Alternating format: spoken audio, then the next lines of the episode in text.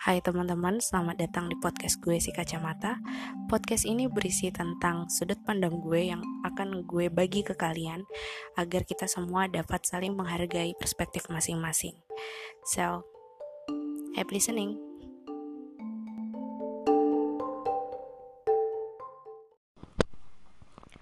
Hai semuanya, kembali lagi ke podcast gue si kacamata.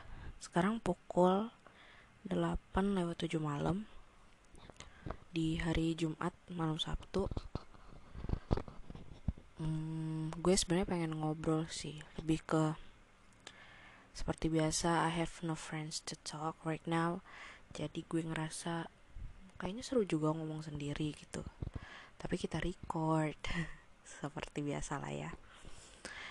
Uh, lu mau ngomongin apa sih Din kayaknya kurang banget lo ngomong gitu. Uh, gue belum terlalu menguasai uh, apa itu feminist apa itu feminism. Tapi yang gue tahu setiap manusia punya hak dan kewajiban yang sama hak untuk hidup kewajiban untuk memenuhi kebutuhan hidup itu sendiri gitu. Terus uh, lu pengen bahas tentang feminisme nih gitu ya. Mungkin ada yang bertanya-tanya ya secara umum iya tapi lebih spesifik ke gimana dan apa dan bagaimana kita mesti bersikap gitu jadi manusia jadi manusia aja dulu deh. Nggak usah kita kotak-kotakin. Lu cewek atau cowok lu hmm, orang berada atau bukan lu lu S1 atau S2 atau S3 atau D3 atau D1 atau SMA atau apalah gitu tingkat pendidikannya. Enggak kita enggak terlalu mengkotak-kotakan gitu karena jujur ya sok jujur jujur banget. Karena menurut gue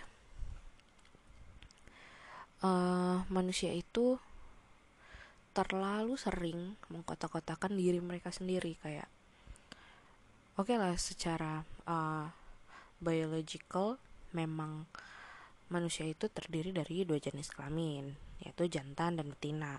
Makhluk hidup ya bukan manusia ding. Makhluk hidup termasuk manusia karena uh, itu akan kenapa hal itu diberikan uh, pengkotakan seperti itu? Karena dua jenis makhluk hidup ini si jantan dan betina ini mempunyai organ reproduksi yang berbeda untuk menghasilkan keturunan. Dan jelas itu dengan alasan yang sangat uh, masuk akal.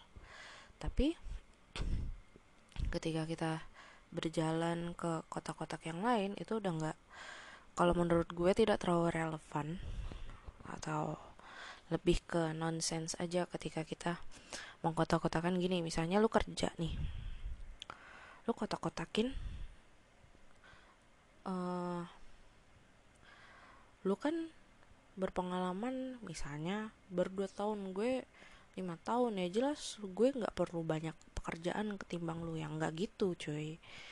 Itu kan udah udah nonsens banget kan. Sama halnya dengan misalnya ketika lu mau masuk ke perguruan tinggi. Udah lepas aja itu status lu lu mau laki-laki atau perempuan di situ enggak misalnya katakan oh hanya laki-laki nih karena mayoritas di sini laki-laki jadi cuma laki-laki yang berhak punya kesempatan buat belajar di sini. Atau sebaliknya nggak kayak gitu. Semua orang memiliki kesempatan yang sama untuk belajar di tempat yang mereka inginkan. Ini purely opini gue ya. Jadi kalian ambil aja opininya uh, yang baik-baiknya yang buruknya yang menurut kalian tidak sesuai dengan diri kalian ya dikesampingkan aja. Nah banyak hal yang tidak menuntut kita untuk selalu mengkotak-kotakan diri kita sendiri. Pertama, when you have to give your love ketika lo harus memberikan kasih sayang lo selama ini yang sering kita dengar kasih sayang yang sering diulu-ulukan hanya ke orang tua saudara pacar suami istri keluarga. Udah. Kayak lu untuk apalagi di budaya kita ya budaya yang menurut gue uh, agak sedikit susah untuk mengungkapkan kasih sayang itu sendiri secara verbal. Karena pertama banyak faktor-faktor.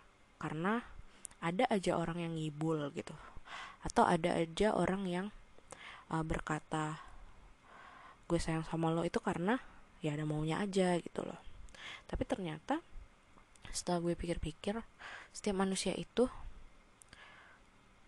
boleh mengatakan dia sayang ke siapa dia bangga sama siapa. Verbally ya verbally. Ada emang love language itu ada banyak banget. Dan salah satunya itu tadi uh, word affirmation. Eh word affirmation. Ya pokoknya kata-kata lah gitu.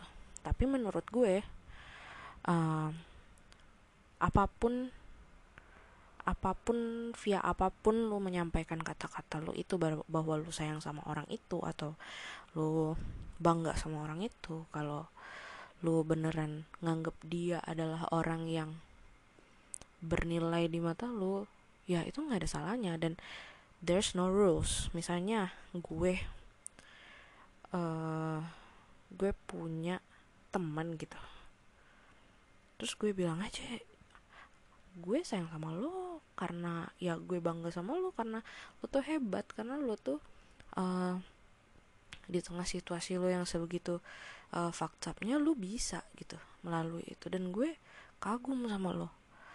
Sebenarnya cuman dibutuhkan kemauan aja buat ngomong kayak gitu. Itu yang pertama. Terus ke orang-orang yang menurut lu membutuhkan kasih sayang itu sendiri. In a good way ya. Kita jangan ngomongin yang negatif-negatif deh. Yang negatif-negatif ya emang pasti tetap ada aja maunya. Cuman misalnya kayak walaupun lu nggak terlalu akrab lu bantu teman lu. Ketika dia lagi nggak ada yang bisa ngebantu dia misalnya gitu lu nunjukin kasih sayang lu sebagai manusia. Misalnya katakan gue nih dan teman gue nih cowok udah nggak terlalu akrab pun gitu. Dan dia dan lu memperhatikan dia butuh bantuan. Entah didengerin entah uh, ditolong I don't know moral atau materi gitu kan moral bantuan moral ataupun materi kalau nggak salah gitu ya. Nah jadi di situ di situ lu ada peran sebagai manusia aja. Gue melepas diri gue sebagai ya gue cewek teman gue cowok ntar kalau misalnya dia gini ntar kalau misalnya dia gini kalau gue misalnya peduli sama dia terus tiba-tiba dia baper gini udah itu kesampingin aja dulu men. Lu act like a human being and help him as a human being. Karena kita tuh sering terkendala ketika kita pengen nolong orang, ketika kita pengen uh, mengatakan kalau kita bangga sama orang gitu. Kita tuh terkendala kayak, ih nanti dia baper gimana, kalau dia ngarep gue gimana. Ya lu yang kegeeran sih gitu loh. Jadi mending lepasin dulu deh status lo itu perempuan dan teman lo itu statusnya laki-laki misalnya. Ketika lu udah berhasil menjalankan bukan menjalankan ketika lu bisa mengesampingkan diri lu sebagai perempuan dan bisa mengesampingkan diri temen lu itu sebagai laki-laki it's just a pure love with your help with your um, be, be with your being a listener itu juga udah lebih dari cukup gitu. That's a pure feelings that I ever know when you when you can separate yourself with your identity as a woman or as a man. Itu adalah sebuah hal yang menurut gue sangat baik gitu oke itu contoh sesama manusia. Manusia dan makhluk hidup nih misalnya. I'm a cat person. I'm not a dog person. Tapi tidak. Tidak membuat gue membenci anjing. Tidak membuat gue pengen uh, bertindak kasar kepada hewan lain yang mungkin gue nggak bisa nggak bisa pelihara gue nggak bisa punya atau ada beberapa peraturan yang melarang gue untuk memiliki hewan tersebut. Banyak di di lingkungan sekitar kita yang oh ya udah gue pecinta kucing misalnya atau gue sebaliknya misalnya gue pecinta anjing tapi gue nggak suka sama kucing atau gue nggak suka sama anjing. But they memiliki keputusan untuk menyiksa. That's another story. That's a lot another story.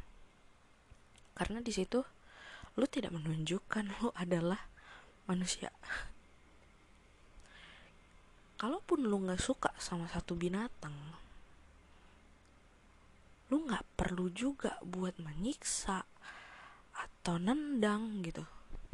Lu cukup usir kok.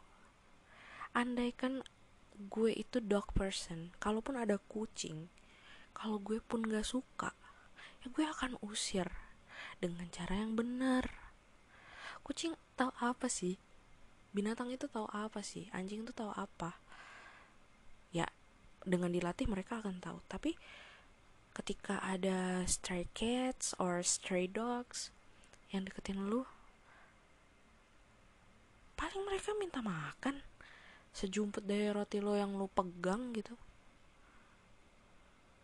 Tapi lu memutuskan buat nendang dia atau apa mukul ngambil kayu dipukul. Man that's brutal. Gue gue sampai nggak habis pikir dengan hal yang kayak gitu. Itu baru sebatas kucing dan anjing. Kita nggak tahu dengan binatang-binatang lain like uh, you use your weapon to shot the elephant. Cuman untuk diambil gadingnya. Yang sampai sekarang ketika gue baca berita ternyata gajah-gajah sudah mulai berevolusi tidak memiliki gading. Untuk menghindari manusia-manusia yang kayak gitu binatang-binatang itu hanya dimil hanya memiliki nafsu. Manusia diberi dua, nafsu dan akal. Hanya karena lu nafsu benci, benci itu kan nafsu ya, benci sama salah satu binatang. Akal lu tuh harusnya ngerem lu untuk bertindak yang tidak baik, untuk mencegah perbuatan tidak baik lu sama hewan-hewan yang lu nggak suka tapi ketika lu hanya menggunakan amarah lu ke binatang itu lalu lu ngebunuh menyiksa ya apa bedanya lu sama binatang? Misalnya beberapa waktu yang lalu ada ada cerita orang orang utan yang diperkosa sama lebih dari entah berapa orang manusia gitu.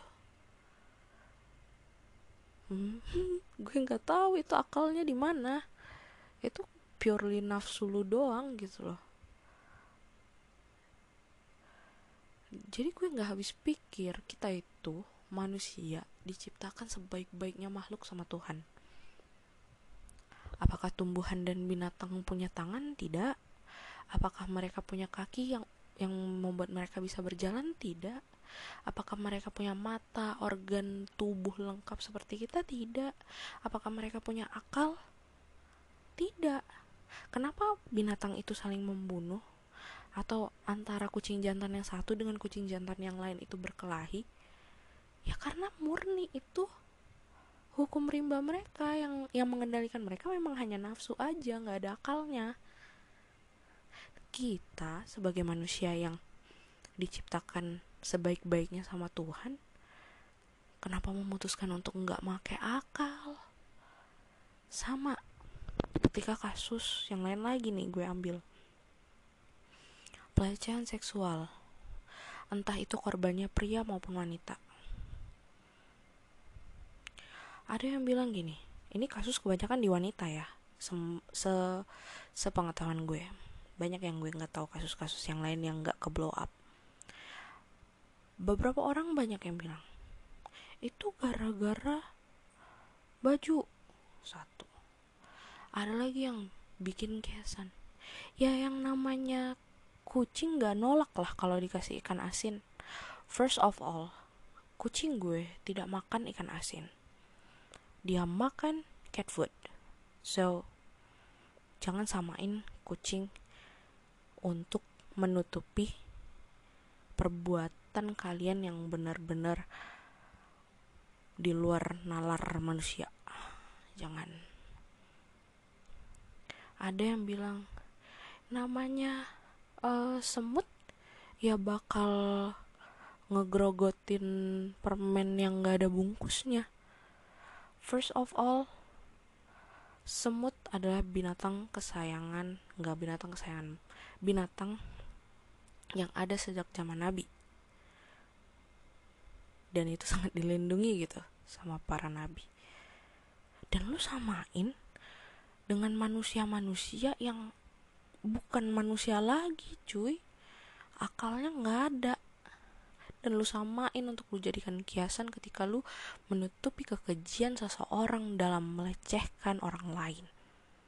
That's so nonsense, big fat nonsense. Dari situ aja deh pelecehan seksual tadi. Menyalahkan korban. Oh, nanti eh toh korban juga menikmati. Nge-freeze man dilecehin tuh nge-freeze. Di calling aja belum tentu bisa ngebales. Karena udah gemeteran. Bukan karena korban-korban itu suka. Dari situ aja deh. Lu udah kelihatan manusia apa bukan.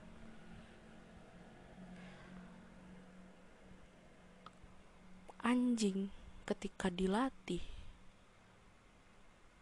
mereka bisa mengerti. Elu jadi manusia dilatih dari kecil istilahnya dilatih tanda kutip ya dididik nih. Orang tua lu dari kecil sampai gede ujung-ujungnya nggak bisa ngendaliin nafsu lu dan ngelampiasin ke orang lain. Akalnya di mana cuy? Masih bagusan anjing dong kalau dilatih daripada lu yang dididik tapi hasilnya sia-sia. Bagian manusia mana yang kayak gitu? Part dari manusia mana yang gak bisa ngendaliin nafsunya pakai akal? Kita itu dikasih akal untuk mengendalikan nafsu.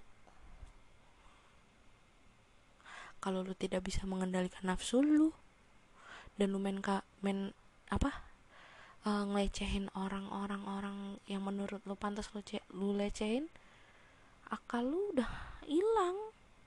Udah nggak bisa dianggap manusia lagi loh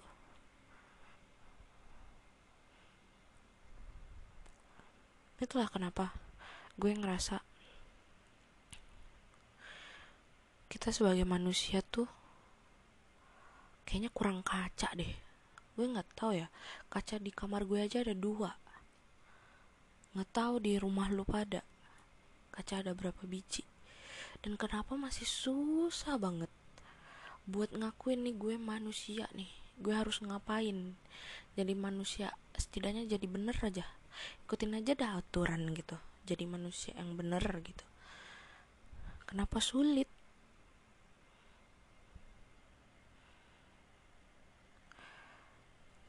Gue tidak membenarkan kalau penjahat itu adalah orang-orang yang benar jadi penjahat termasuk keputusan yang tidak tepat tapi mereka selalu punya alasan. Orang yang ngelecehin orang lain, mau ngelecehin perempuan atau ngelecehin laki-laki, apa alasannya? lu nggak bisa nahan masing-masing gue yakin masing-masing di agama kita apa pun agamanya punya aturan. Kalau lu nggak bisa nahan nafsu lu lu harus ngapain tuh selalu ada. Kalaupun lu nggak percaya lah sama panduan agama udah deh. Ada yang namanya akal tadi. Lu bisa mikir panjang toh. Tapi karena lu nggak punya akal lu nggak bisa mikir panjang sih. Mulailah catcalling mulailah colak-colak sana sini. Itu sesama manusia sama hewan tadi udah. Sama tumbuhan juga lu kayak gitu. Alasan lu bisnis. Lu bakar lahan. Lahan yang seharusnya jadi penopang tanah penyerap air. Kan aneh. Oke gue lanjutin lagi. Tadi ke cut. Tadi sampai mana? Oh ke tumbuhan lu bakar karena alasan bisnis dan lain sebagainya. Padahal di sana di negara ini selalu ada aturan kok. Ketika lu membuka suatu lahan lu harus menyiapkan lahan yang lain untuk uh, ditanami atau menyisakan sekian persen lahan hijau lahan terbuka hijau untuk penyerapan air dan penopang tanah. Tapi lu, mengabaikan itu. So mana akalnya lagi gitu loh. Gue yakin yang bisnis tum eh, tumbuhan bisnis sana sini dengan alasan bisnis tadi ngebakar lahan juga bukan orang yang punya pendidikan rendah gitu. Bukan orang-orang yang tidak berpendidikan. Tapi karena nafsu tadi akal lu lu simpen di dalam kocek kali ya ketika ada aturan pun lu mengabaikan itu demi alasan bisnis tadi cuan. Nah setelah lu dengar berbagai contoh yang gue kasih kalau gue sih malu jadi manusia. Nggak tahu ya lu pada. Kayak kebanyakan dari kita tuh terlalu egois ngerasa manusia doang yang tinggal di bumi ini ngerasa uh, kita yang oke okay, kita yang memang makhluk sempurna. Tapi ego kita juga jadi sempurna gitu. Akal nggak dipakai. Kayak egois banget sih. Udah egois jahat akal nggak dipakai. Nafsu di di dielulukan.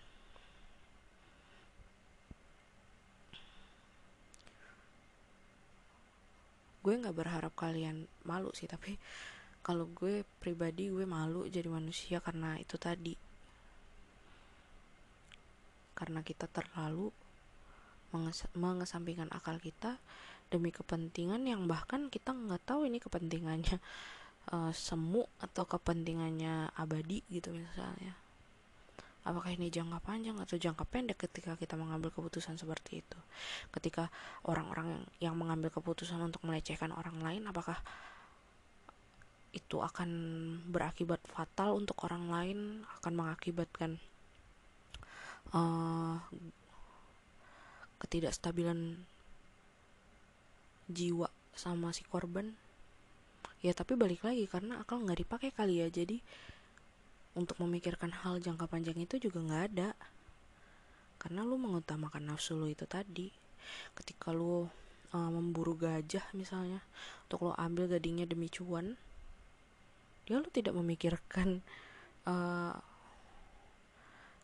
kehidupan gajah itu sendiri akan seperti apa. Padahal ketika kita melihat uh, big picture-nya ketika kita membunuh satu hewan itu akan memutus mata rantai uh, mata rantai makanan di satu ekosistem. Dan itu bakal ngerusak satu ekosistem tanpa lu sadari gitu ya nggak mungkin sadar sih karena kalau aja nggak punya ya. Gitu. Jadi menurut gue kita sebagai manusia kurang-kurangin aja. Kalau lu belum bisa ya gue akui gue juga belum bisa jadi orang bener gitu 100% tapi dengan menyadari satu hal dengan menyadari dua hal dengan menyadari tiga hal di kehidupan kita yang probabilitasnya apakah akan merugikan atau menguntungkan sekitar kita kan sebenarnya bisa kita lakukan gitu. That's why we need to think before we act. Memang gak selamanya gak selamanya aksi itu harus menuntut pemikiran yang matang dulu. Kadang ya ya udah lak lakuin aja lihat ntar. Tapi di beberapa hal lu harus memikirkan akibatnya lu harus mengakibat eh, memikirkan keuntungannya apa untuk diri lu untuk sekitar lu.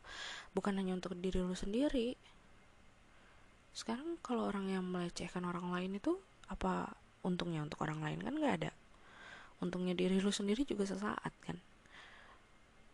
Ya karena akal tadi nggak dipakai makanya gas saja memang di memang menurut gue di beberapa hal uh, kita memang dituntut untuk berpikir lebih dahulu berpikir jangka panjang. Lu membakar hutan. Memang saat itu lu dan mungkin orang-orang di dekat lu di, di diberikan keuntungan gitu karena bisnisnya jalan. Tapi buat anak cucu lu? Buat 5 sampai 10 tahun ke depan? Apa masih lo pikirkan atau enggak? Tapi gue rasa enggak karena udah ego ya. Ego itu kan bagian dari nafsu. Ketika lo nggak bisa ngendaliin ego lo berarti akal lo nggak kepake buat ngerem nafsu lo sendiri gitu. Hmm. manusia itu memang complicated. Gue akui berbagai macam flaws flaws yang mereka punya yang kita punya berbagai macam kesalahan yang kita miliki yang memang itu manusiawi. Tapi bukan berarti hal itu bisa terus dimaklumi. Ketika lu sadar kalau hal itu salah nggak ada salahnya juga buat ngerubah apa yang mesti lu ubah dari sifat lu gitu. Ketika yang misalnya gue adalah orang yang ya gue nyeletuk buat diri gue sendiri deh. Kan gue bener manfaatnya juga buat gue bikin kalian semua diem. Nggak nggak kayak gitu sayang. Kita harus mikir. Mungkin lo punya hati. Tapi orang juga sama. Dengan lu nyeletuk memang dibolehkan. Nggak ada yang larang dan itu bukan hal yang purely negatif gitu tapi ketika lu nggak tahu kondisi orang lain ketika lu nggak tahu waktu ketika lu nggak tahu tempat lu nyeletuk aja akan bisa bikin orang tersinggung. Terus akalnya di mana? Ketika lu pengen nyeletuk tapi akalnya nggak dipakai. Ya kira-kira ini bikin sakit hati nggak ya? Tapi ya namanya nyeletuk ya nggak mungkin sih mikirin perasaan orang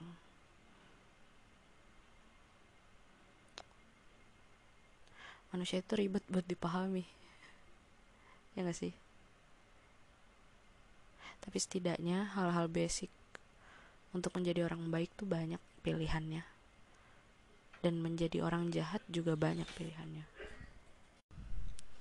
Gue tadi sampai mana ya? Kekat lagi deh. Itu jadi orang baik akan selalu banyak pilihan untuk jadi orang baik. Tapi akan selalu banyak juga pilihan untuk jadi orang yang jahat tapi ketika dua-duanya punya banyak pilihan gue rasa ketika gue lu menggunakan akal lu dengan baik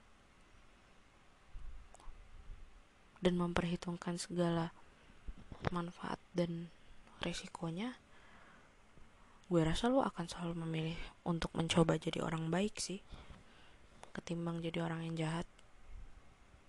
Karena orang yang jahat banyak risikonya mungkin ada keuntungannya sementara doang tapi ketika lo memilih untuk berbuat baik dengan apa pun pilihan lo untuk menjadi orang baik lo akan selalu dapat manfaat dapat value dapat legacy. Ketika lu mati orang-orang akan akan ngingat lu karena kebaikan lu. Kan rasanya sedih ya kalau misalnya lu mati tapi lu meninggalkan legacy sebagai orang yang jahat. Misalnya orang yang suka ngelecehin orang lain gitu misalnya. Nggak enak banget didengar. Tapi ketika lu yang misalnya lu suka ngebantu anak-anak yatim legacy lu itu. Apa apa pun mau baik mau jahat yang lu perbuat lu akan selalu meninggalkan legacy sih kalau menurut gue ketika lu berbuat berbuat baik legacy lu adalah hal-hal yang sudah lu buat. Ketika lu berbuat jahat legacy lu adalah hal-hal yang lu buat juga. Gue nggak tahu afterlife bakal seperti apa cuman gimana orang mengingat lu gitu loh. Yang menurut gue itulah kenapa kita harus berbuat baik. Siapa sih yang nggak mau diingat sebagai orang baik kan. Semua orang mau. Gue juga mau. Cuma nggak tahu gue uh, menurut orang gue orangnya baik apa enggak but I'm trying. Setidaknya gue masih pakai akal aja. Dan gue harap kalian semua juga memelihara menggunakan akal kalian dengan baik. Supaya yang kejadian adalah perbuatan kalian yang baik gitu ketika hmm, lu ada tendensi untuk berbuat jahat ya namanya manusia selalu ada aja niat untuk berbuat jahat. Ketika lu bisa memelihara akal lu dengan baik ya gue yakin perbuatan jahat itu akan hilang gitu aja dan lu memilih untuk berbuat baik aja. Karena kalau dipikir-pikir berbuat jahat itu setelah berbuat jahat yang ada cuma nyisain rasa bersalah kan nggak nyisain rasa yang lega gitu. Tapi ketika lu berbuat baik walaupun sedikit itu akan memperbaiki maybe memperbaiki hidup orang lain. Bahkan bahkan memperbaiki hidup lu sendiri. Gimana cara lu memandang dunia ini secara luas. Gimana lu bisa berkesimpulan? Dengan lu berbuat baik lu adalah salah satu di antara sekian banyak orang yang sedang belajar jadi orang baik jadi orang benar gitu.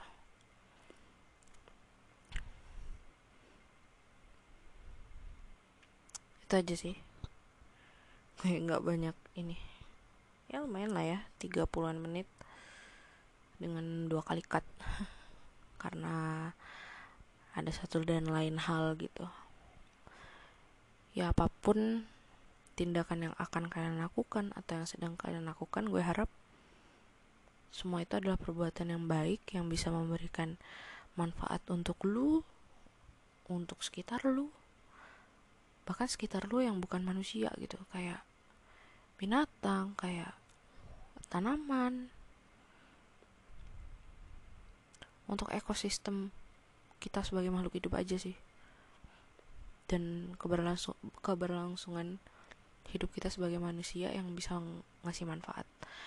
Karena yang gue inget sebaik-baiknya manusia adalah manusia yang memberi manfaat bagi seluruh alam. Jadi good luck ya teman-teman. Ya udah gitu aja. Entah ini gue ceramah atau apa nggak tahu. Gue cuman ngeluarin apa yang ada di kepala gue. Uh, buat kalian yang lagi sakit karena uh, omikron ini lagi kenceng-kencengnya kayaknya penularannya. Semoga kalian cepat sembuh semoga cepat pulih. Untuk kalian yang tidak uh, yang masih sehat lah tidak kena virus pula. Yang masih sehat yang masih diberikan kesehatan masih dikasih nikmat sehat. Ya gue harap kalian selalu sehat jaga diri kalian jangan sembrono. Untuk kalian yang ya lagi melakukan melakukan hal-hal yang menurut kalian baik gue selalu berharap Tuhan selalu ngebimbing kalian Tuhan selalu menemani kalian Tuhan selalu ada bersama kalian. Karena hal-hal baik tuh kan Tuhan suka. Jadi walaupun sulit mungkin perjalanan lu untuk berbuat hal baik itu gue yakin pasti akan ada ujungnya dan ujungnya akan pasti baik ketika niat niat dan perbuatan lo baik. Oke okay, gitu aja. See you on the, on my next apa dah episode. Gue mau bilang video gue kan gak di YouTube ya. See you on my next episode. Si kacamata pamit Have a good day. Bye bye.